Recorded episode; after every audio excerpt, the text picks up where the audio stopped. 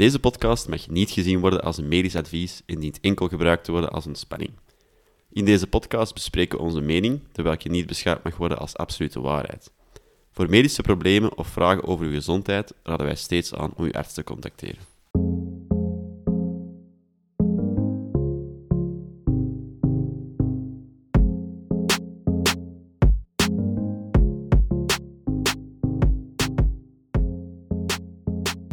Worden we vergezeld door Etienne en Clara, twee sportartsen die samen het Instagram-platform Gomer Sports oprichten, waar ze wetenschap en sport proberen verenigen en concrete tips proberen te geven over hoe jij jouw sportprestaties kan verbeteren.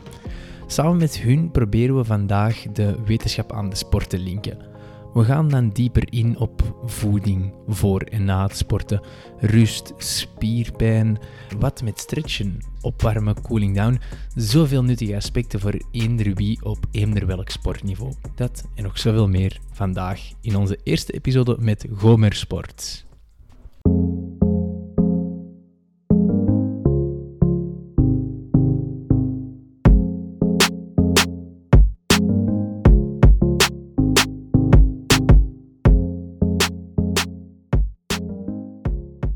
Welkom iedereen bij de podcast Wat ligt er op uw lever? Vandaag, zoals altijd, ga ik weer wat vragen stellen aan Tim, maar niet alleen aan Tim. We zijn ook vervoegd dit keer door twee andere gasten. We zijn nog nooit met zoveel geweest. We zijn hier vergezeld door Etienne en Clara. Dag Etienne en Clara, stel jullie zelf eens voor. Wie zijn jullie, wat doen jullie en wat brengt jullie hier? Hallo, wij zijn uh, dus Etienne en Clara. Hallo. En wij zijn dus eigenlijk hier vandaag als Gomer. Jullie maken jullie debuut. Dat klopt. Het is de eerste keer dat wij hier allee, zijn gevraagd eigenlijk, als ik het zo mag zeggen, voor een podcast. Dus voor ons is het ook een beetje spannend en allee, we voelen ons toch ook een klein beetje vereerd dat jij ons uitgenodigd hebt. Voor de luisteraars, ze zijn veel te bescheiden. Dus ik ken Clara en Etienne al vanuit de les in Leuven. Het is niet dat wij samen pinten gingen drinken of zo. Maar die zijn begonnen met hun eigen platform op Instagram, waar dat ze zich heel hard toespitsen op evidence-based sporten. En dat spreekt mij zo aan. Want in, in deze tijd, met alle internetinformatie en de self-proclaimed coaches en zo, is er zoveel misinformatie over sporten. Maar misschien dat jullie wat meer kunnen vertellen over hoe dat jullie daarbij terechtgekomen zijn en wat jullie take is of zo? Dus het is eigenlijk zo, toen Clara en ik aan het einde van onze algemene geneeskundeopleiding kwamen, dan... Uh, gingen wij beide voor huisarts studeren. En dan na een van de huisartsexamens kwamen wij dan eigenlijk tot de, allez, tot de constatatie dat wij allebei ook een interesse hadden voor sportgeneeskunde te gaan doen bij die huisartsgeneeskunde. En dan dachten we gewoon, weet je wat, waarom starten we niet met een soort platform, wat dan nu op Instagram is, uh, waar dat we eigenlijk een beetje sportmedische facts ja, wat meer toelichten aan de mensen op een laagdrempelige manier, proberen we, maar wel evidence-based, zoals dat jij zegt.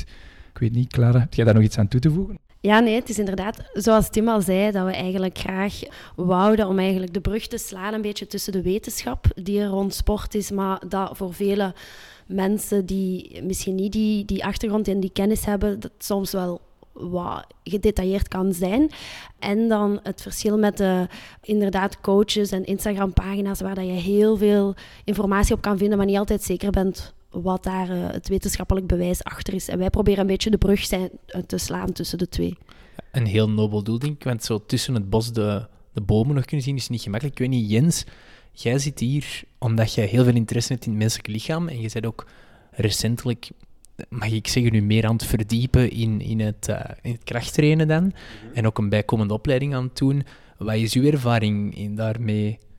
Er is heel veel informatie op het internet. Zeker als je zo rond een topic als, als krachttraining, als je alleen nog maar kijkt naar, naar wat je allemaal ziet verschijnen op platformen zoals TikTok, kijk veel verschillende filmpjes van je moet zo trainen, je moet die oefening zo doen. En een andere zegt nee, je moet het zo doen en zo doen. Je, er is zoveel informatie op het internet en je weet eigenlijk bijna niet meer wat, wat moet ik nu geloven en wat niet.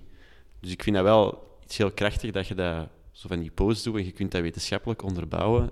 Dat, dat is wel leuk om te zien. Dat je, ik keek naar jullie pagina en ik had echt zoiets van, ah, hier ga ik echt informatie kunnen vinden waarop ik echt wat kan vertrouwen. En dat is wel leuk om te zien.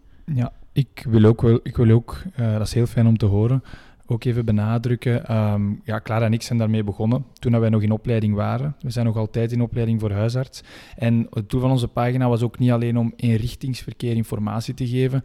En dat wil ik ook wel benadrukken. Wij wilden ook een soort van interactie creëren. wij krijgen regelmatig input van uh, kinesisten, personal trainers, uh, noem maar op, allemaal paramedici die eigenlijk iets met sporten en sportgeneeskunde te maken hebben, uh, die dat, als wij een post zetten, die dat daar hun insteek op geven of ons ook soms corrigeren. En we zijn zelf heel blij met die informatie, want zoals gezegd, we zijn nog maar pas afgestudeerd als sportarts, zijn nog huisarts in opleiding en dus ook wij leren graag nog elke dag bij. Ah, wel, en, maar ik denk dat, dat wat jij nu zegt, dat relativerende, Um, en dat heel tijd kritisch blijven voor uzelf, dat is iets dat wij aangeleerd krijgen. En dat voelde ook bij jullie en dat maakt u meer betrouwbaar. Want destijds heb ik ook veel research gedaan over, over fitness en whatever. En al die meathead scientists, dat zijn mannen die vinden gewoon wat voor hun werkt en die preachen dan naar iedereen toe als de waarheid.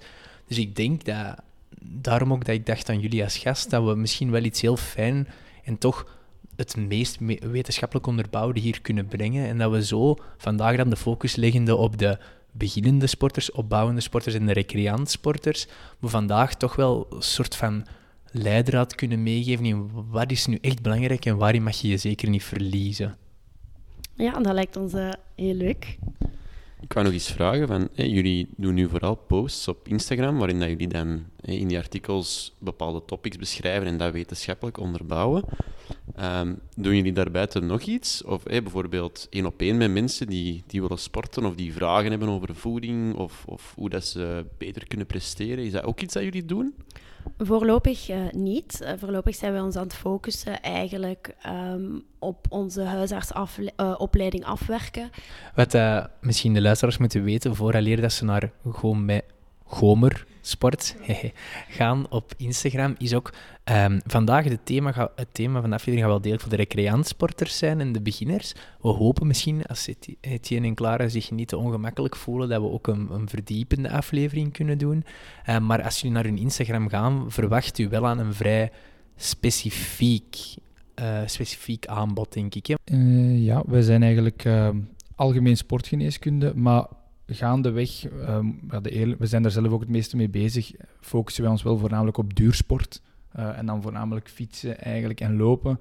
Uh, waarom? Simpelweg omdat we dat zelf doen. Uh, de stap richting het effectieve triathlon, dus het zwemmen er nog bij, ja, dat zijn ja, nabije toekomstplannen, mag ik toch zeggen. misschien al, ja, hoe zeg je dat? Mag, mag ik dat? Uh? Ja, Clara heeft zich ingeschreven voor haar eerste triathlon. Hey. Wow. en, ja. Nu is het echt official. wanneer? Dat alle luisteraars u eraan kunnen houden. Wanneer ik ga, dat nog even stilhouden. Deze vindt plaats in mei te Leuven. Let's go. En dit gaat om een achtste triathlon? Een kwart.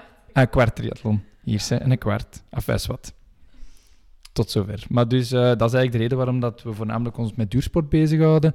En uh, ja, dat interesseert ons gewoon. En ik zeg het, die Instagram-pagina is voor ons ook een manier om er zelf mee bezig te zijn, de literatuur in te duiken en interactie te creëren met andere professionals. Maar het is dus inderdaad wel vrij verdiepend. En ons doelpubliek is heel vaak uh, mensen die al wel een, een sport-medische achtergrond hebben. Maar dat laat ons zeker niet tegenhouden vandaag om uh, op, op een andere manier te, een aantal zaken te bespreken. Ah, wel, ik denk dat je nog altijd wel een goede basiskennis hebt waarmee dat we de typische starters en recreanten, een beetje meer gelijk wij dan, ergens, um, op gang zullen kunnen trekken. Hè? Uiteindelijk zijn wij maar recreanten, hè? Ik vind dat wel. dat is een pijnlijk inzicht, maar het is zo. Ik stel voor dat we dat we wat beginnen. Dus het, Jens is nu even geïnvalideerd door een blessure. Hij ligt even stil, maar hij besluit van daarna terug te gaan lopen, na lang stil te liggen en hij voelt zich de dag daarna stijf. Is dat een teken dat hij iets verkeerd heeft gedaan? Of hoe moet hij met die stijfheid omgaan? Wel, eerst en vooral, dat is zeker niet abnormaal. Hè? Dus uh, Jens, ik ga je direct geruststellen. Oef. dus uh, nee, wat dat Google Doctor ook beweert, uh, dat is niet abnormaal. Dat is eigenlijk een gekend fenomeen. Hè? Dus wat dat we eigenlijk zien bij mensen, zeker die daar niet veel sport gewoon zijn, of bijvoorbeeld niet gewoon zijn om te gaan lopen, die gaan gaan lopen op zich naar wat hun conditie wel aan kan, maar hun gestel kan eigenlijk niet volgen. En bij gevolg, wat creëerde spierstijfheid die meestal de dag erna begint, de tweede dag nog erger is en dan vanaf de derde dag wat begint weg te kabbelen als je geluk hebt. Een beetje afhankelijk van hoe diep dat je gegaan bent. Uh, wat dat trouwens niet alleen gebeurt na duurinspanningen, maar dat kan ook bijvoorbeeld als je de eerste keer naar de fitness gaat en uh, vol op de biceps inzet, ja, dan heb je ook prijzen. Kort intermezzo. Ik heb dat eens één keer gehad, dat ik terug was beginnen fitness van lange tijd en ik heb een week mijn arm niet kunnen strekken. Maar gewoon niet, ja, ik, ik, was, ik, had echt schrik dat ik het nooit meer ging kunnen. Echt waar. Exact. Kijk, dit, dat is het eigenlijk het fenomeen. Die spierstijfheid, in een geleerde term noemen we dat delayed onset muscle soreness. Hè. Delayed, want het treedt meestal niet direct na de inspanning op. En muscle soreness, ja, spierstijfheid. Uh, die begint meestal op te bouwen vanaf zo'n 6 uur na de inspanning, piekt rond de 24 uur na de inspanning tot 48 uur. En dan zou die normaal gezien moeten beginnen afkabbelen. Maar uh, ja, bij extreme gevallen kan dit tot enkele dagen, drie, vier, vijf tot zelfs een week, dagen, een week lang duren. En wat is dat eigenlijk? Ja, dat is simpelweg je spieren die acuut overbelast zijn. Meer is dat niet. Dus wat gebeurt er bij inspanningen? Om een inspanning te doen, gebruikt je spieren. Die spieren worden tot het uiterste gedreven. Uh, daar ontstaan, ja, je moet dat eigenlijk zien als microscheurtjes in de spiervezels. Het lichaam is in staat om deze te doen herstellen. Wat dat gebeurt zelfs bij een getrainde marathonloper die een korte loopsessie doet. Die krijgt ook deze microscheurtjes. Maar wat gebeurt er als je in overdrive gaat en je hebt niet de juiste voorbereiding, niet de juiste basisconditie? Dan gaat het lichaam niet alleen die microscheurtjes aanpakken, maar dan gaat dat ook gezonde spiervezels beginnen opruimen en eigenlijk verder doorbeschadigen. En dat is eigenlijk de reden waardoor dat die ontstekingsprocessen en die spierstijfheid als symptoom van die ontstekingsprocessen eigenlijk tot uiting komt. Dus eigenlijk die, die stijfheid in C is dat, is wel iets slecht of waar we moeten opletten, omdat we toch ja, verder, verder dan die microscheurtjes gaan in ons lichaam in bepaalde zin in onze spieren wat slecht belasten of zo. Of hoe moet ik dat zien? Het is een teken van het feit dat je diep, zo niet te diep bent gegaan. Hè. Als dat enkele dagen duurt, zit je gewoon te diep gegaan. Nu, nogmaals, dat is eigenlijk een natuurlijke reactie. Hè. De ontstekingsreactie is eigenlijk een manier van ons lichaam om bepaalde zaken te herstellen en of op te ruimen. Je hebt een inspanning gedaan, het lichaam zit vol afvalstoffen, de spieren zijn beschadigd. En die ontstekingsreactie is enerzijds ook een heling voor de spieren, maar doordat je zo diep bent gegaan, gaat die ontstekingsreactie simpelweg te hevig zijn. En dat verklaart die spierstijfheid. Een beetje is goed, maar vanaf dat je voelt dat het langer strikt dan die twee, drie dagen, kun je wel misschien beseffen dat je de volgende keer even goed mocht gaan sporten, maar dat je een klein stapje moet terugzetten misschien. Of... Uiteindelijk is dat ook altijd het belangrijkste, luisteren naar je lichaam. Ik zeg Clara ook nog een opmerking hebben, precies. Ik wou ook nog even inpikken op wat Etienne zegt. Het is ook zo dat je het snel wel opbouwt. Dus dat je kan één keer last hebben van, van spierstijfheid na het lopen en dan de volgende keer al veel, een pak minder en de keer daarna nog een pak minder. Dus het is ook een vorm van trainen. Als ik spierstijf ben, mag ik niet trainen. Wat is jullie idee daarover? Ik denk dat spierstijfheid eerst en vooral een signaal van je lichaam is en ook het belang onderstreept van een goede recuperatie na eenderd welke inspanning. Hè. Dus uh, spierstijfheid is het teken dat je diep bent gegaan en als je iets gepresteerd hebt, moet je recupereren. Dus gun je lichaam de tijd om te herstellen. Wat dan niet wil zeggen dat spierstijfheid een absolute no-go is om dan iets van sport te gaan doen. Uh, ik zeg nu maar iets, uh, vorig jaar heb ik zelf deelgenomen aan een crossduathlon. Ben ik de dag daarna uiteraard niet gaan lopen, maar ik ben de dag daarna wel gaan zwemmen. En ik moet zeggen, die manier heeft, heeft, heeft mij goed gedaan. Hè. Meestal is het ook zo, en dat gaat je ook merken als je zo'n hevige spierpijn hebt, zelfs totdat je arm niet meer kunt strekken, als jij dan naar de fitness gaat een dag daarna, dan ga je de eerste 10 minuten pijn hebben, maar je gaat merken als die spieren warm worden, dat die spierstijfheid eigenlijk gaat afnemen en eigenlijk vaak zelfs gaat verdwijnen. Ik spreek niet over de meest extreme gevallen natuurlijk, maar je gaat merken dat je eigenlijk eens dat je opgewarmd bent, wel inspanning gaat kunnen doen. Maar daar ligt ook weer een gevaar in dat je gaat denken, ah, ik ga nog eens vol een bak. En dat is niet de bedoeling. Een beetje doseren dan. En, goh, stel nu dat we dat je zo extreem bent dat je, elke, dat je zo hard sport dat je elke week stijf bent, kan dat op lange termijn wel slechte effecten hebben voor je lichaam? Of is dat echt een puur korte termijn van je reactie van je lichaam dat zegt, ho, even rustig aan doen? Ik denk sowieso als je echt uh, op zo'n regelmatige basis sport, dat wekelijks spierpijn niet meer echt de regel zal zijn. Maar er is natuurlijk wel een gevaar in jezelf overdoen. Hè? Over training, over belasting. Dat zijn termen waar we heel veel over kunnen vertellen, wat we denk ik vandaag niet kunnen doen. Daarvoor kunnen we zeker naar onze pagina verwijzen. Maar je kan effectief wel uh, jouw lichaam uitputten op zo'n manier dat je eigenlijk zelf niet, niet goed aanvoelt dat je het aan het uitputten bent, totdat het eigenlijk te laat is en dat er eigenlijk een hormonenbalans um, helemaal ontregeld kan geraken in je lichaam. Eh, dat kan effect hebben op je hartritme, dat kan effect hebben op het melkzuur of het lactaat eigenlijk in je lichaam dat geproduceerd wordt, op je prestaties. Daar kunnen we heel ver op ingaan, maar het risico is er zeker. Dus het luisteren naar je lichaam is heel belangrijk. Ja, wat ik zover meeneem is, spierpijn is iets heel normaal. Spierpijn is iets dat een soort van waarschuwingsfunctie heeft, dus waar we wel oor voor moeten hebben. En het wil niet zeggen dat we niks mogen doen, maar het wil toch zeggen dat op het moment dat we veel spierpijn hebben, dat we onze inspanning een beetje moeten aanpassen en wat verminderen, zodat we eventueel het maximale van recuperatie eruit kunnen halen. Klopt. Hierop aansluitend is het misschien niet slecht om het te hebben over kunnen we buiten eh, getraind zijn, deze spierstijfheid verminderen of vermijden dat we daar zoveel last van hebben. Uh, want dan... Ik wou het net vragen van oké, hoe kunnen we het nu dan ervoor zorgen dat we niet stijf zijn? Maar ga verder. Want, nee, nee, want dan komen we eigenlijk in het verhaal van uh, warming up en cooling down. Hè. Dus ja, nogmaals, het begint allemaal bij een zo goed mogelijke basisconditie. Hoe beter je getraind bent, hoe minder last je van stijfheid hebt. Uh, maar acuut, vlak voor en vlak na het sporten, ja, zit er volgens ons toch, en ook volgens de literatuur, een heel belangrijke factor in een goede en degelijke warming-up en de goede degelijk, en deze wordt vaak eigenlijk vergeten, cooling down na het sporten. In, ik weet, wij in de basket, Jens, wij doen warming up wel, maar cooling down doen wij al heel slecht. Hè? Maar ik vraag me af, is dat ook relevant voor, ik denk, ik denk het wel, maar is dat relevant voor iedereen die zijn activiteiten bouwt? Dus stel je voor, je doet niks van sport en je wilt met een start-to-run beginnen, is dan warming up en cooling down ook belangrijk? Ik wou nog even zeggen, wij doen nooit een cooling down. Ja, om op Tim zijn vraag te antwoorden, ja, ik denk het wel. Ik denk eigenlijk zeker als beginnende sporter dat je daar baat bij kan hebben. Waarom? Wat zien we bijvoorbeeld bij een opwarming? Spieren gaan beter doorbloed zijn, met een term weer uh, te gebruiken. De neuromusculaire controle zal beter zijn. Dus dat wil eigenlijk, dat is een, een chic woord om te zeggen dat uw zenuwen naar uw spieren eigenlijk die banen beter zullen allee, geleid uh, zijn.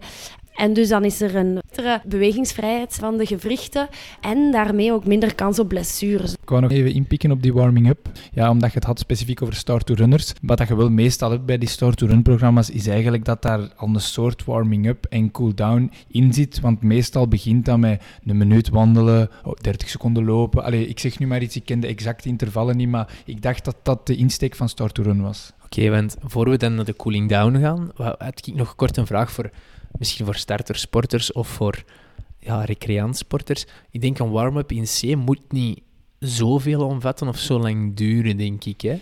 Hebben jullie daar zo kleine, korte, concrete tips over? Of is dat moeilijk? Of kunnen jullie ergens naar refereren of zo voor een, voor een degelijke warm-up? Of... Er zijn wel wat concrete tips voor een goede warm-up. Uh, het is sowieso de bedoeling dat de intensiteit van uw warming-up enerzijds hoog genoeg ligt, zodanig dat de spieren warm krijgen, dat het lichaam warm krijgt maar anderzijds ook niet allee, te hoog gaat liggen. Waarom?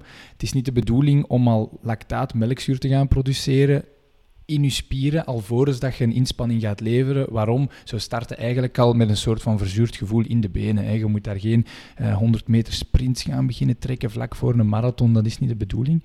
Uh, wat dat concrete tips betreft, ja, ik zeg altijd een warming-up, 10 tot 20 minuten. Uh, niet te lang voor de effectieve inspanning, maximum 5 à 10 minuten, want anders heeft het geen zin. Dan zijn we weer al afgekoeld voordat je gaat beginnen. Uh, en dan specifiek, dus dat gaat dan overal over de duur. Specifieke tips voor warm-up. Ja, je hebt verschillende manieren. Hè. Je kunt passief of actief warm-up doen. Je kunt gewoon een warme douche pakken. Zelfs dat gaat je spieren al opwarmen. Hè. Een massage gaat je spieren ook opwarmen. Dat zijn dan vormen van passieve warming-up. Actieve warming-up, ja, dan moet ik het eigenlijk niet zeggen. Dat zijn de logische dingen. Dynamisch stretchen, of bijvoorbeeld kleine uh, afstandjes heen en weer joggen voor iemand die vlak daarna de 10 miles gaat lopen. Of iemand die een 5 kilometer kermisrun gaat beginnen. Dat zijn een beetje concrete tips. En um, is, het, is het belangrijk om gradueel eigenlijk op te warmen? Dat je heel rustig begint en dan zachtjes aan meer? Of is het voldoende om om op één, ja, op één niveau te warmen? Ik denk dat het inderdaad vooral belangrijk is dat je uh, daar niet te intensief gaat, uh, gaat doen en niet te, te lange tijd aan besteedt, maar ook niet te kort. Hè. Dus, uh, dus dat is inderdaad belangrijk. En ik wou daar eventjes kort op inpikken, omdat we het gingen vandaag ook misschien hebben over stretchen. En bij opwarming zien we vaak dat je een vorm van stretchen daarin kan verwerken, waarmee je dan twee vliegen in één klap kan hebben.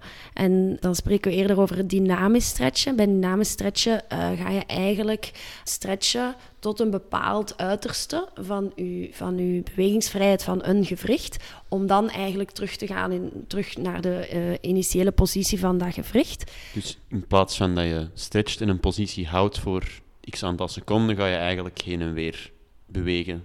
Ja, uh, klopt. Dus, ja, dus uh, die vorm van stretchen die jij omschrijft is dan statisch stretchen. En, en dynamisch stretchen is een, een, vorm van stretchen die wordt aangeraden om voor, het, voor een inspanning te doen, bij wijze van opwarming en stretchen tezamen.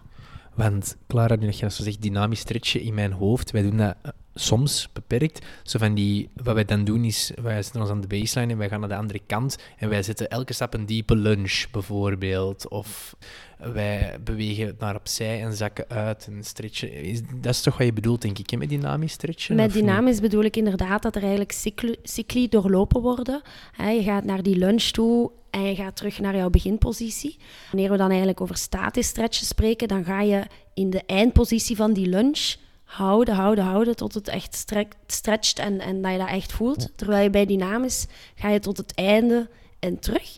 En dat uh, zorgt eigenlijk voor die soepelheid uh, en voor die, uh, die stretchingsmanier die goed is voor opwarming te samen.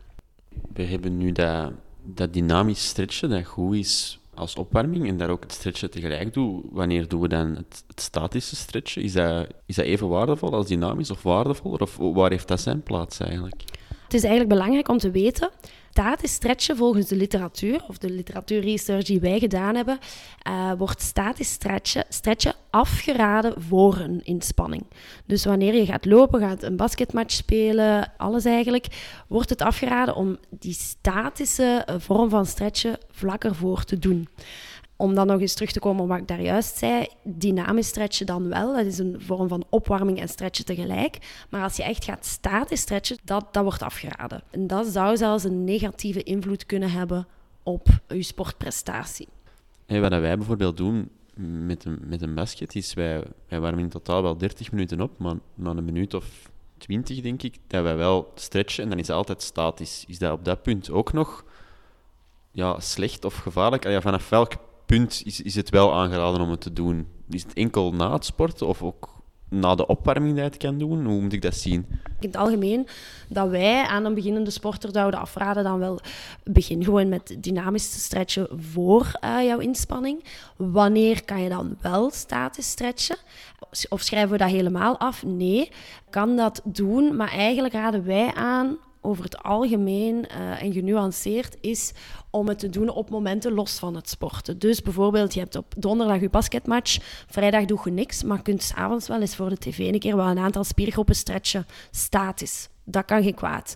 Maar ja, oppassen met statisch stretchen voor de inspanning, dat is een beetje wat we hebben gevonden. Ja, wat ik vooral meeneem is, dynamisch stretchen heeft zeker wel een plaats, vooral voor de inspanning. Incorporeer dat in je opwarming, dat zijn twee vliegen in één klap. Um, en dan mm over statisch stretchen, niet voor de inspanning onthoud ik vooral, maar het kan wel een plaats hebben, heel sportspecifiek. Ja, ik denk het ook. Nu, nu ben ik wel eens benieuwd voor het andere aspect, de cooling down. Wat moeten we eigenlijk doen om een goede cooling down te doen en waarom is dat belangrijk? Dus eerst en vooral omdat we het dan over stretchen hebben, want stretchen wordt vaak ook eigenlijk na een sportinspanning gedaan door veel mensen. En dat is nu eigenlijk, vind ik, de grootste mythe rond stretchen. Na het sporten heeft eigenlijk niet iedereen is erover eens dat dat zo zijn bewezen nut heeft. Nu, statisch stretchen na het sporten kan zeker uh, nuttig zijn, al is het omdat het gewoon goed aanvoelt. Hè. Je kunt daarmee uh, weinig verkeerd doen, zolang dat je het niet te overmatig en te langdurend gaat doen, langdurig gaat doen. Nu, net qua timing, als je het over een cooling down hebt, en dan komt het een beetje overeen als een warming up. tussen de 15 à 20 minuten, denk ik dat dat dan een heel degelijke cooling down is. En ook die kan bestaan uit zowel sportspecifieke zaken, bijvoorbeeld je zegt gaan lopen en je cooling down bestaat er gewoon uit, uit uitjoggen of uit wandelen.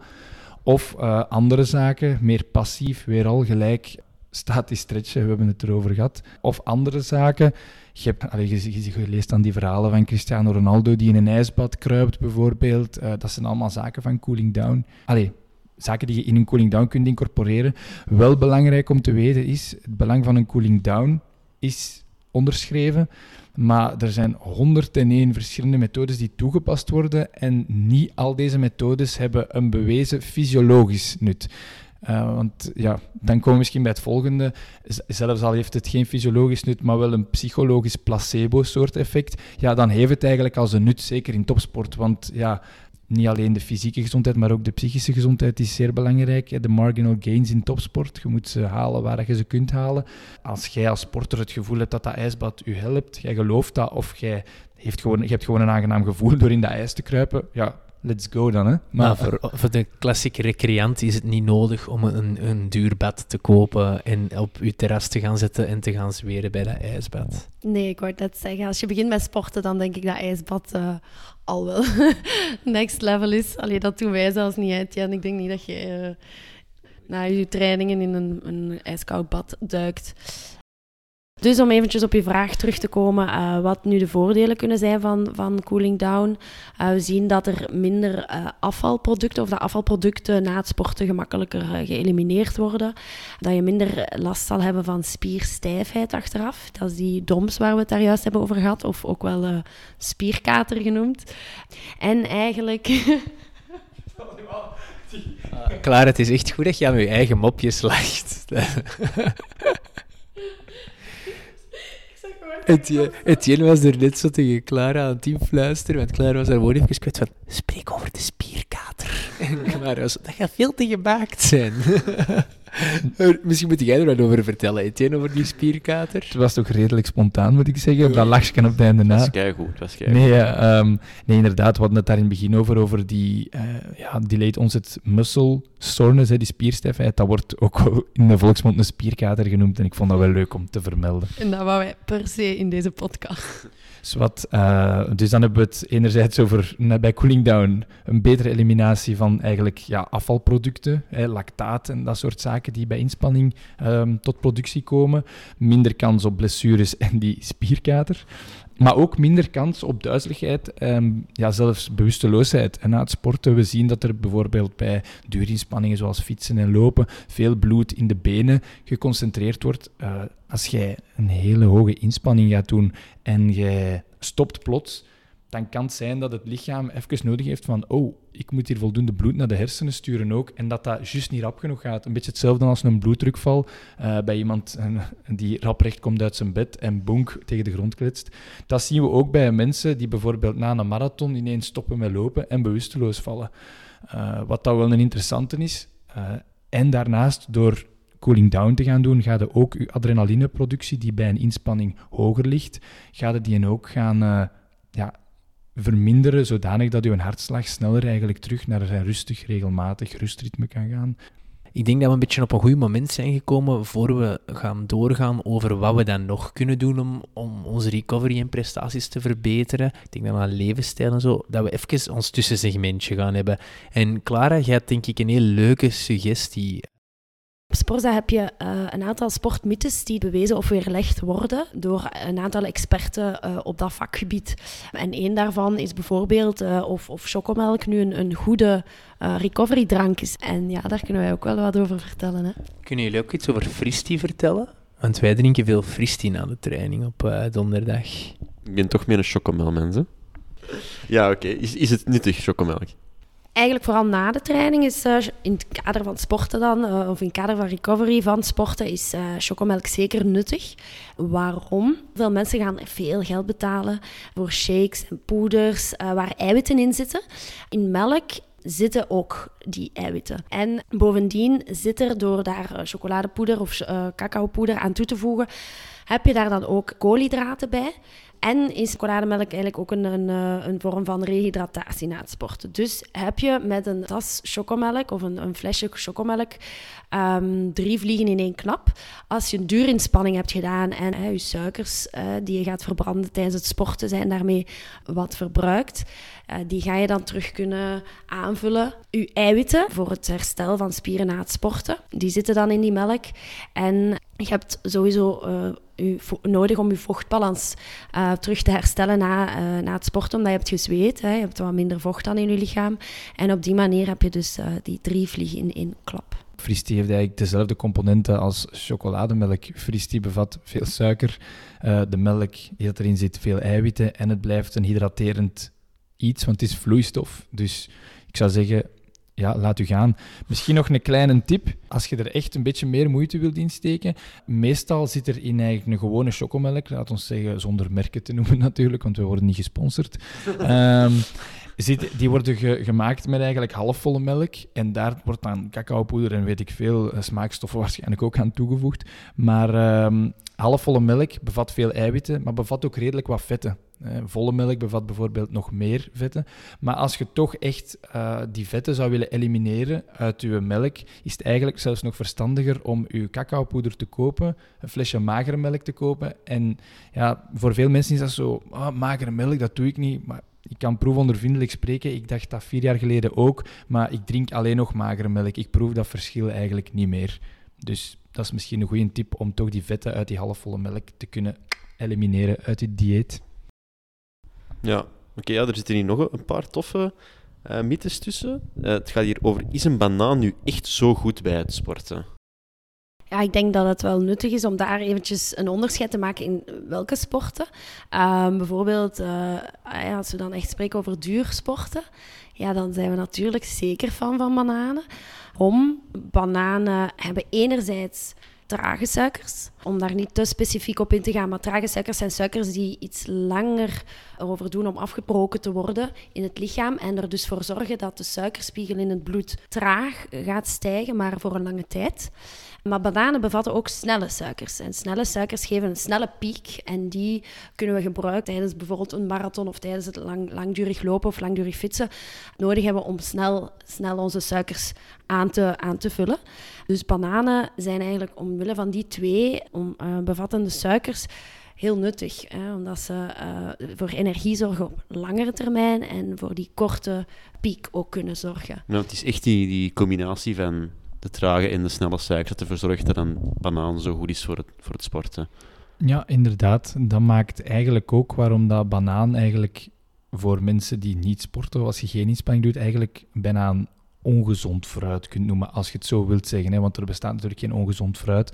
Hè? Maar omdat bananen net zoveel suiker bevatten, hè? dat is een van de meest suikerrijke vruchten die er is. Dus ja, als je veel sport, is dat ideaal. Maar anders is dat ook wel misschien interessant om te weten, uh, dat niet elk stuk fruit ja, in een gewoon dagdagelijks dieet even allee, dezelfde voedingswaarde mm -hmm. heeft.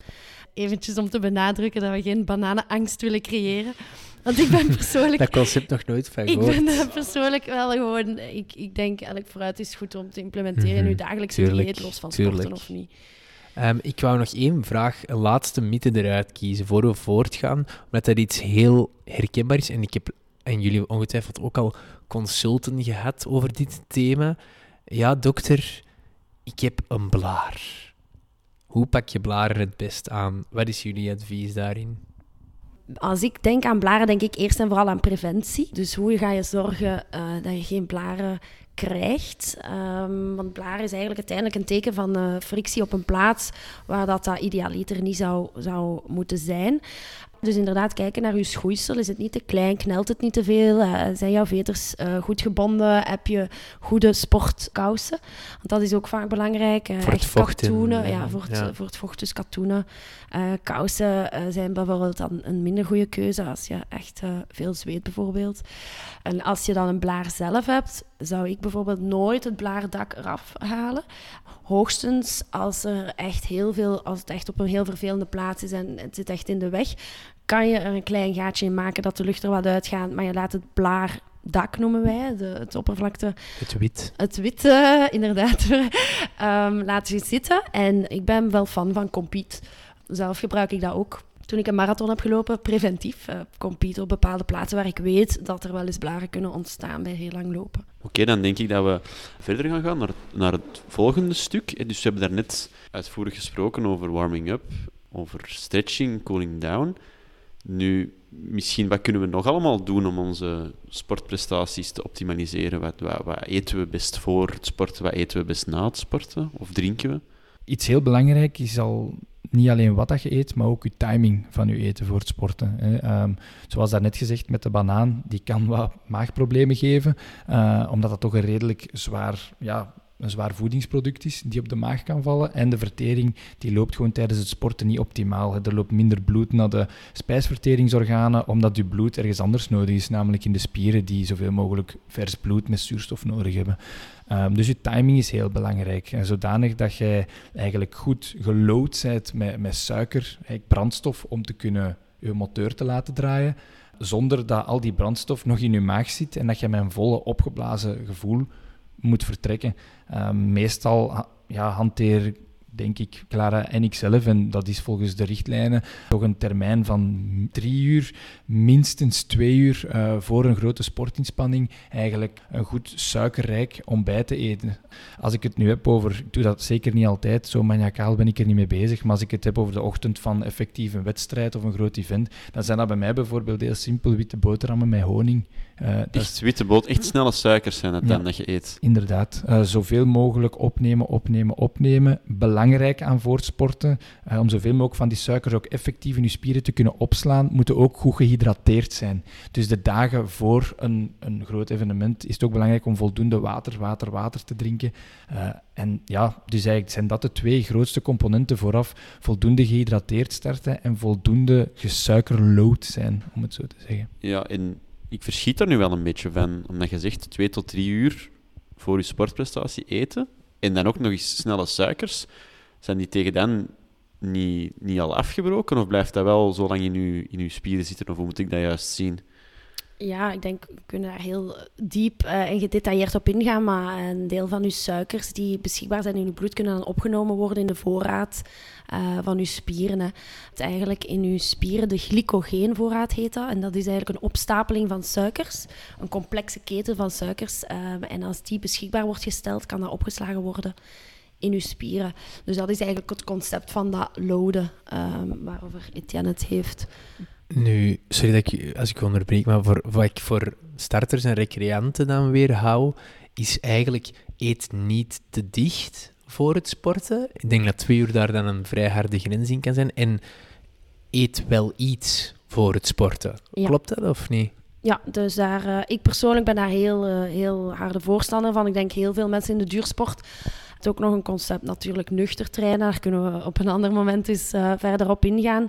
Uh, maar eigenlijk uh, heb je die brandstof nodig om te presteren. Althans toch om goed te kunnen presteren. Hè. Je kan een inspanning doen zonder gegeten te hebben. En dus puur op de, in de voorraad die er al in de spieren zit, waar ik het daar juist over had. Anderzijds kan dat ook op je vetvoorraad. Maar het is met die suikers dat je je tempo zal halen en dat je snel zal kunnen lopen en, en, en goed zal kunnen lopen. Ja, om het heel simpel te zeggen, de, ja, de kachel heeft gewoon hout nodig om te blijven branden. En uh, die snelle suikers, inderdaad, dat klinkt wat contra-intuïtief, maar het is gewoon zo, die het, het idee van snel wijst er gewoon op dat die snel worden opgenomen door het lichaam en hopelijk snel worden afgebroken en dan snel worden opgeslagen in de spieren, zodanig dat je die later vanuit de spieren kunt aanwenden om ja, te blijven gaan. Mm. En trage suikers hebben dan minder hun plek voor, een, voor de dag van een sportwedstrijd? Of? Oh, ik denk dat ze allebei een plek hebben. Hè. Uh, ik denk bijvoorbeeld Etienne eet um, boterhammen met, witte boterhammen met honing. Ik ga eten is ook bijvoorbeeld uh, havermout. Havermout zijn dan meer trage koolhydraten of suikers. Bananen, zoals we zeiden, hebben trage en snelle. Dus uh, ik denk dat ze allebei een plaats hebben. Want ik hoor nu hier... Allee, of ik... Voor mezelf maak hier een verschil op uh, uit op. Als ik een topprestatie wil leveren, dus ik wil niet te belastende maaltijd op mijn maag, maar ik wil de constant ideale aanvoer van energie hebben, dan zal ik eerder een maaltijd zoals Etienne nemen. Maar als ik als belangrijk bijdoel, ik vind niet dat dat een hoofddoel mag zijn, maar als bijdoel heb van ik wil uh, vet verbranden, ik wil afvallen, dan kan de aanpak eerder zijn van wel iets te eten, maar geen overdreven loading, of, of hoe heb je het gezegd, preloading te doen, om dan dat meer aan te spreken? Ik denk als uw uh, doel van uw training op dat moment is meer vet verbranden, dat je meer het gaat moeten gaan zoeken in de soort inspanning die je gaat leveren en dan meer richting de duur en de intensiteit van je inspanning. sowieso, wat dat eten betreft, witte boterhammen met honing, dat klinkt niet sexy. dat klinkt niet sexy, maar uh, het is gewoon zo, je gaat daar zo extreem in als dat je wilt. Uh, om dan terug te komen op dat van u, Tim, over dat vet verbranden. Uh, het is geweten, als je begint met sporten, je suikerverbranding die schiet eigenlijk direct in gang. Na een minuut zijn je suikers aan het verbranden. En het is zo dat ons lichaam gewoon niet in staat is om van in het begin op een optimale, efficiënte manier vetten te verbranden. Het is zelfs geweten dat je pas vanaf 20 minuten tot een half uur effectief, efficiënt vet begint te verbranden. En pas vanaf dan zie je eigenlijk die curve, als je kijkt naar uw verbranding, uw energieverbranding, hoeveel procent suikers, hoeveel procent vet en ook nog een klein procent eiwitten. Maar goed, eh, dan zien we dat vanaf een half uur pas de vetten echt op hun eh, volle max aan het mhm. draaien zijn. Dus, conclusie, wilt jij vetten verbranden, zorg dat je zeker, dan gaat je een langere training moeten inplannen en je intensiteit van je training laag genoeg houden. Weet dat het geen goed idee is om een lange duurtraining te doen zonder vooraf gegeten te hebben. Als je vooraf niet eet, je gaat nuchter trainen, dat is niet per se verkeerd, maar doe het niet te ver en niet te intensiteitsvol, want je gaat anders bedrogen uitkomen en ja, dat is gewoon niet goed. Ik ben heel blij dat je dat zegt, want ik geef dat advies vaak ook mee aan patiënten. Want heel veel patiënten die willen gaan sporten met als bijdoel om af te vallen, denk ik, moet afzien. En zo lang mogelijk keihard afzien.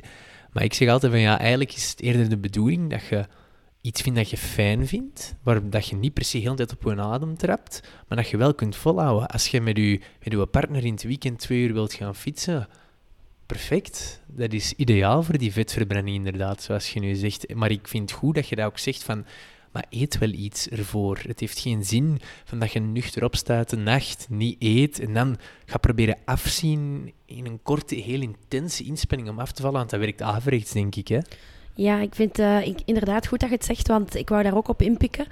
Bij ons en op onze pagina ligt heel hard die focus op hoe kan je beter sporten, hoe kan je je prestaties verbeteren, hoe kan je uh, goed op een juiste manier sporten.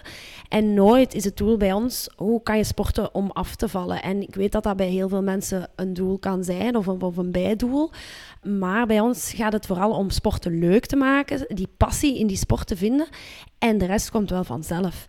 En inderdaad, door onze, onze passie te delen en onze weetjes te delen en informatie te delen en juist informatie te verschaffen, creëer je dat mensen sport leuk gaan vinden. En een doel kan dan zijn, ik wil 10 kilometer kunnen lopen of ik wil uh, um, een bepaalde wedstrijd meedoen. En dan ga je sport leuk vinden, dan ga je regelmatig sporten en dan ga je sport volhouden. En dan kan dat zijn dat je lichaam daardoor verandert. En dat kan ook van niet. Maar je gaat je wel beter in je vel voelen en je gezonder voelen. En daar gaat het denk ik vooral om. Allee, dat is toch waar ik graag de focus op leg. Wij hebben ook die aflevering van uh, gezond bewegen met een coach van bewegen op verwijzing. Alle beweging opbouwen, dat is op je eigen niveau. En, luister dus tot naar die aflevering. Maar alles wat hier wordt meegegeven, ook van jullie advies over over het niet nuchter en de opwarming en zo, dat zijn wel allemaal dingen die op alle niveaus toepasbaar en belangrijk zijn, denk ik. Jawel, en dat zijn ook allemaal dingen waar dat je nogmaals zo extreem in kunt gaan als dat je wilt. Om terug te komen op de ijsbaden van Cristiano Ronaldo. Daar ga je gewoon zo ver in als dat je wilt. Maar ja, ik wil alleen maar beamen ook wat dat Clara zegt. Het gaat er mij vooral om dat je gewoon bewust moet bezig zijn met sport en daar proberen plezier uit te halen. Wij vinden het interessant hoe dat je iemand zijn prestaties kunt optimaliseren, maar afvallen is bij ons of gewicht verliezen of, of focus op vetverbranding. Pas op, focus op vetverbranding kan dienen als trainingsvorm om je aerobe conditie, maar dit zijn heel specialistische termen, op te bouwen als je een lange duurinspanning wilt gaan leveren. Maar het mag nooit het hoofddoel zijn. Uh, sporten is plezant, het moet plezant blijven. En vooral sporten is voor iedereen. En nu gaan we wel heel de filosofische tour op, besef ik. Ik, ik wou nog eens inpikken op iets wat je er juist zei. Dus het ging, het ging dan over die voeding voor een, een prestatie of een wedstrijd. En je zei ook uh, hydrateren.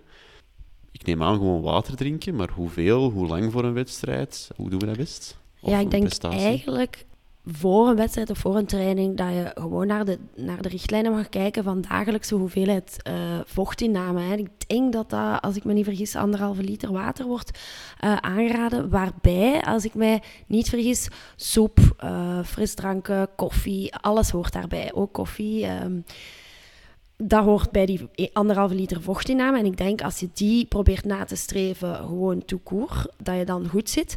Na het sporten is er eigenlijk is het iets anders, of is het niet altijd hetzelfde. Dan moet je gaan kijken. Sommige mensen zweten harder, hebben meer vocht verloren tijdens de inspanning. En om dan heel concreet te zijn, zegt, uh, hebben ze ons aangeleerd bij sportgeneeskunde dat je in principe zou moeten voor een training op de weegschaal staan na een training op de weegschaal staan en wat je hebt verloren is puur vocht. dat is heel grappig dat je dat zegt, want ik weet nog eens, vroeger bij ons in de ploeg zat er een kerel, hij zal nu naamloos blijven. Ik denk dat je je gaat herinneren, ik weet nog, die kwam de vrijdag op training en die had twee of drie t-shirts over elkaar aan. Hij zei, allee, waarom doe je dat nu? Het is toch warm? En dan zei hij van, ja, maar dan ga ik meer gewicht verliezen. Natuurlijk, ik dacht toen ook wel, ik, ik had daar wel mijn bedenkingen bij. maar dat is grappig dat je dat nu op alludeert, want sommige mensen die, die hebben die overtuiging wel echt door meer te zweten. Um, ga ik meer afvallen? Misschien dat dat ergens met de koortemperatuur en zo een minimaal effect bereikt kan worden, maar het lijkt mij toch niet ja, wetenschappelijk significant of belangrijk. Hè? Nee, inderdaad. Het, het, het probleem is gewoon dat heel veel mensen focussen op, op gewicht. Je gaat op de weegschaal staan en je denkt, oh, ik heb hard uh, gesport, ik heb hard gezweet en ik heb hier twee kilo kwijt. Ja, maar als je dan een, een, een negatieve vochtbalans hebt, en dat wil zeggen je bent uitgedroogd, ja, wat heeft het dan voor nut dat je op de weegschaal twee kilo minder weegt? En daar is het gewoon vooral, belangrijk, uh, zorg dat je goed hydrateert na het sporten. Soms kan dat zijn dat je uh, na het sporten hè, dan dranken moet drinken uh, waar dan nog andere zaken in zitten die, om er niet te diep op in te gaan, de, de zouten in ons, in ons lichaam een beetje kunnen herstellen. Maar vooral voldoende drinken voor wat je hebt uitgezweet. Ja, misschien daar nog op aanvullend. Ik denk dat, je, dat, je, dat er wel een belang is van eigenlijk iets meer gaan hydrateren. Waarom? Hoe beter je gehydrateerd bent, hoe meer water er in de spier zit, hoe meer suikers de spieren ook kunnen opslaan om dan tijdens die inspanning weer te gaan aanwenden. Maar nu, daar hadden we het nu niet mhm. misschien per se over. Maar ik wou dat toch even vermeld hebben. Dus wat ik weer onthoud is... Als... Hij praat graag. maar dat is goed, dat hebben we graag in de podcast. wat, ik, wat ik onthoud is... Uh, voor de typische recreant hè, kan het voordelig zijn om, om als je toch aan sport doet, meer dan anderhalve liter per dag te drinken. En dat kan eigenlijk met zo'n simpele dingen als water of als je het goed wilt aanpakken, een chocomelkje of een mager melkje dat zal wel ruim voldoende zijn, meestal, denk pas, ik. Pas wel op, als je de mensen die misschien letterlijk dingen interpreteren. Clara sprak daar net over, koffie telt ook. Het is niet de bedoeling om anderhalve liter koffie te gaan drinken. Juist. In koffie sowieso zit veel cafeïne in, wat in anderhalve liter veel te veel is. Ik wou even vragen: van, ja, we hebben nu over dat hydrateren en over eten voor het sporten gehad. Eten na het sporten, wat eten we, wat eten we best na een sportprestatie? Wel, ook daar komt het deels overeen met wat dat we over de chocomelk daarnet zeiden. Hè. Je hebt gesport, dus wat is er gebeurd? Je hebt suiker verbrand, dus er is veel suiker weg uit het lichaam. Er zijn ook vetten weg uit het lichaam, afhankelijk natuurlijk van welke inspanning je geleverd hebt, welke, hoe lang die was, welke intensiteit dat die had. Maar ook eiwitten zijn belangrijk, want je hebt spierschade aangericht en eiwitten bevorderen het spierherstel en zijn belangrijk bij de spieropbouw. Dus een goede maaltijd na het sporten, wat bevat die? Idealiter veel suiker, veel eiwitten en daar mogen zelfs wat vetten bij zitten. Hè. Het is zeker niet, uh, dat is misschien ook iets om even uit de wereld te helpen. Sommige mensen denken, oh, vetten zijn slecht. Vetten, vetten hebben wel degelijk hun plaats in een dagdagelijks dieet, ook bij atleten. Natuurlijk, ook daar, allee, je moet niet overdrijven, maar dat is met alles zo. Hè. En nogmaals, naast natuurlijk een goede maaltijd, voldoende hydrateren. En chocomelk is een beetje de 2 in 1. Allee, een voorbeeld van de 2 in 1, maar je mocht daar zeker bij eten.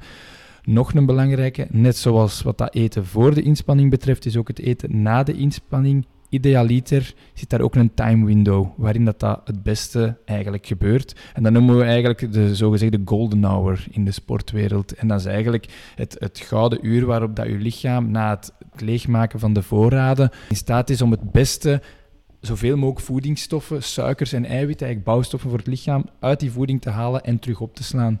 En dat is idealiter zo rap mogelijk na de inspanning binnen het eerste uur. In de fitness noemen ze dat de anabolic window. Ehm, ik ben aan het denken, we zijn al een vrij lange aflevering aan het, aan het krijgen ondertussen. We wouden nog een vraag stellen over... Ja, sommigen van ons durven toch af en toe eens een glaasje te drinken. En, en sommige van onze luisteraars, wij natuurlijk niet, durven soms ook eens een glaasje te veel te drinken. Wat is de invloed van alcohol en van een kater op onze sportprestaties in het algemeen? Ja, en ik denk dat alcohol goed aansluit bij alles wat we al gezegd hebben deze aflevering. Omdat eerst en vooral alcohol alcohol echt wel gaat dehydrateren. Dus dat is ook eh, wat ervoor kan zorgen dat je een zogenaamde kater uh, kan hebben, is die dehydratatie. Maar ook, um, als wij zeggen, je moet echt wel uh, vocht inkrijgen voor dat goed spierherstellen, en om goed te herstellen van een inspanning, alcohol gaat dat dus tegengaan. Dus alles wat je eigenlijk dan wel drinkt van vocht en van water na het sporten, met alcohol ga je dat dan weer teniet doen, dat effect. Dus dat is eigenlijk zonde. Als we dan zeggen dat eiwitten eigenlijk goed uh, zijn voor het spierherstel, de spieropbouw, hè, dus die bouwstenen voor onze spieren op te bouwen. Um, alcohol gaat dat eigenlijk uh, een beetje vertragen. Dus die spierherstel, dat spierherstel, die spieropbouw wordt vertraagd door alcohol. We hebben ook, en ik weet niet of ik daarmee al uh, iets te specialistisch ga, maar we hebben ook dus na een inspanning uh, wordt er lactaat gecreëerd. Lactaat is ook iets wat een deel kan zijn van het gevoel van uh, stijfheid achteraf. En alcohol gaat ervoor zorgen dat dat trager wordt afgebroken, dus dat dat langer aanwezig is. We hebben het nog niet gehad vandaag, denk ik, over hoe belangrijk slaap is bij het herstel van, van sporten.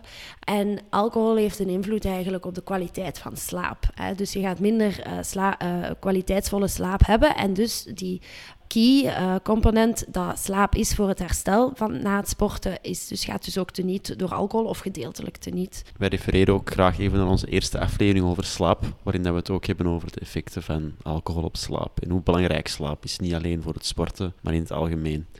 Ik had ook nog eens een, een, een vraag van, ja, en vettig eten, heeft dat een invloed op sportprestatie? En, en heeft dat misschien, je zei daarnet, Etienne, dat na een sportprestatie je wel ja, wat vetten kan binnennemen, is dat dan misschien de, de beste moment als je vettig wilt eten om dan na een sportprestatie te doen? Of heeft het helemaal geen plaats voor een sporter?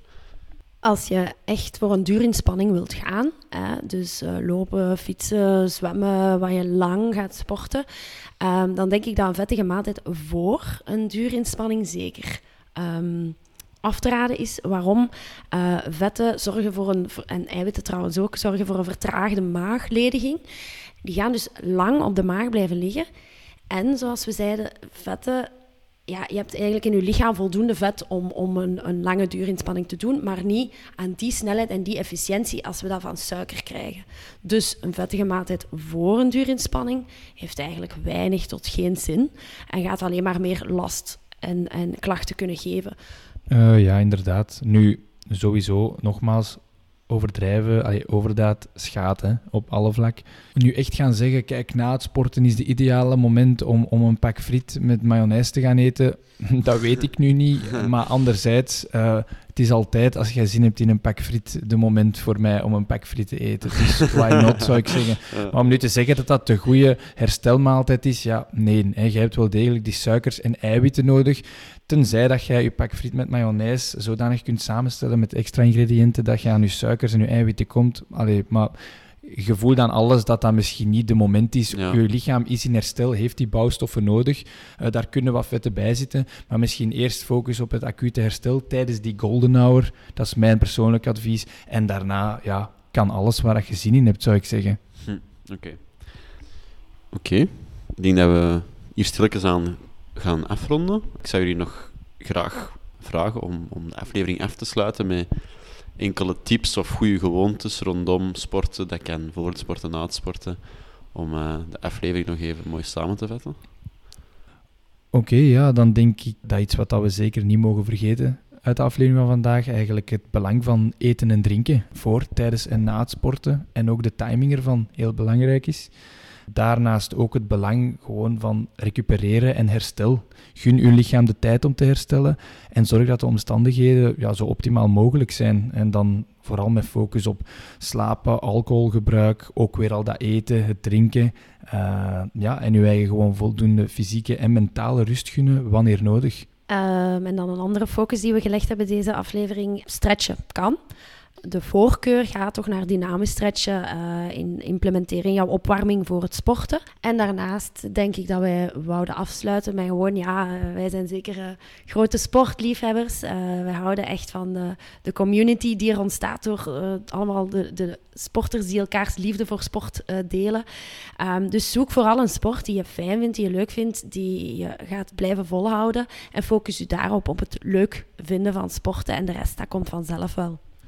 Ik denk dat dat een, een mooie referentie ook terug is voor een beetje sluikreclame naar onze aflevering met Glen, uh, coach van Bewegen op Verwijzing. Dat, dat leuke aspect, dat moet echt centraal staan. Hè, en niet het, niet het afvallen of het, het moet, maar echt zoeken naar iets wat je leuk vindt. Ja, dat moeten aspect is vaak een, een, een struikelblok hè, voor, uh, voor sporters. Van ik moet uh, vandaag uh, 10 kilometer gedaan hebben en anders is het niet goed. Dus ga ik, omdat het niet gaat lukken om vandaag 10 kilometer te lopen, ga ik liever niet sporten dan 10 kilometer. En dat is denk ik iets wat je echt moet overzetten. Elk, mijn mama zegt, elke beweging is een cadeau voor je lichaam. Als mama's dat zeggen, dan klopt dat zeker. Absoluut. ik heb het gevoel dat we helemaal nog niet uitgepraat zijn met Gomer Sport. En ik zou jullie dan ook heel graag willen uitnodigen om eens terug bij ons te komen voor een uh, volgende aflevering die vermoedelijk zal gaan over. Stel voor, we zijn voor onze sport aan het opbouwen, maar wat zijn typische grenzen waarop kunnen botsen, blessure gewijs en hoe gaan we daarmee om? Enzovoort. Ja, uh, wat dat mij betreft, ik denk dat ik ook voor Clara spreek, super tof. Ik denk dat de luisteraars ook gaan horen dat uh, allee, gaandeweg tijdens de podcast werd ik meer en meer ontspannen. Ik denk dat dat ook voor Clara geldt. Dus uh, ik vind het kei tof eigenlijk geweest. Dus uh, voor mij is die tweede aflevering zeker uh, ja, top. Dus mijn momenten al een beetje inhouden om af en toe zo niet de verdiepende vragen te gaan stellen. Ergens diep op in te gaan. En ik denk, maar dat is, dat is wel interessant. En dan zo ik een beetje algemeen houden deze aflevering. Ja. En dan kunnen we, kunnen we daarna misschien in een volgende aflevering wel echt op bepaalde stukken wat dieper en specialistischer ingaan. Ja, het is dat. Het is gewoon een super boeiende wereld, de sport en sportgeneeskunde. En ja, je kunt er uren, dagen, weken over blijven babbelen. En dat maakt het ook gewoon zo boeiend. En um, dus ja, laat ons zeggen, die tweede aflevering, check. En wie weet, what's next. More good to come. In ieder geval, dat was het voor vandaag. Aan iedereen. Clara is mij aan het uitleggen. Oei, oei. En de sfeer zat nog zo goed. maar bij deze gaan we afsluiten. Dag iedereen, merci voor het luisteren. Merci voor te komen, Clara en uh, Etienne. We gaan hier de opname stoppen voor Clara Alles Bijeengegold. Like, subscribe, niet alleen ons, maar ook Gomer Sport, Sport. Ja. op Instagram. Een link zal bij de beschrijving van de aflevering komen. Doei! Die is mij nog altijd aan het uitlachen, hè?